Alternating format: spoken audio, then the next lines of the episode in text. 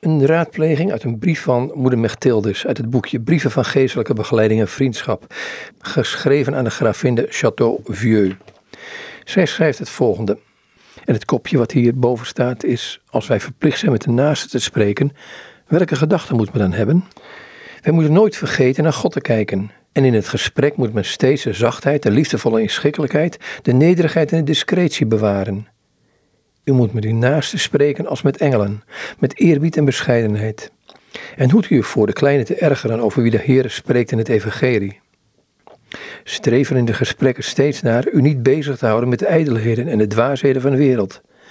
Wacht u er ook voor er te veel aan het woord te zijn, door uw al te grote bedrijvigheid te hard van stapel te lopen.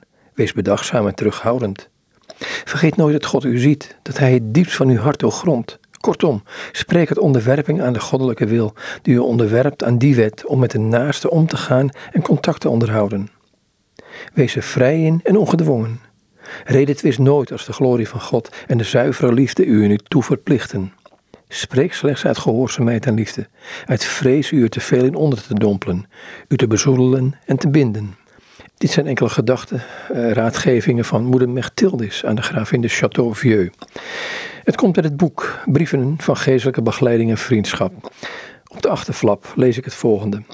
Sinds mevrouw de gravin de Châteauvieux moeder Mechtildus had leren kennen en door haar was gaan vermoeden hoe vertreffelijk die weg van zuiver geloof was, bleef ze haar in brieven en met bezoeken gretig vragen, haar daar grondiger in te onderrichten.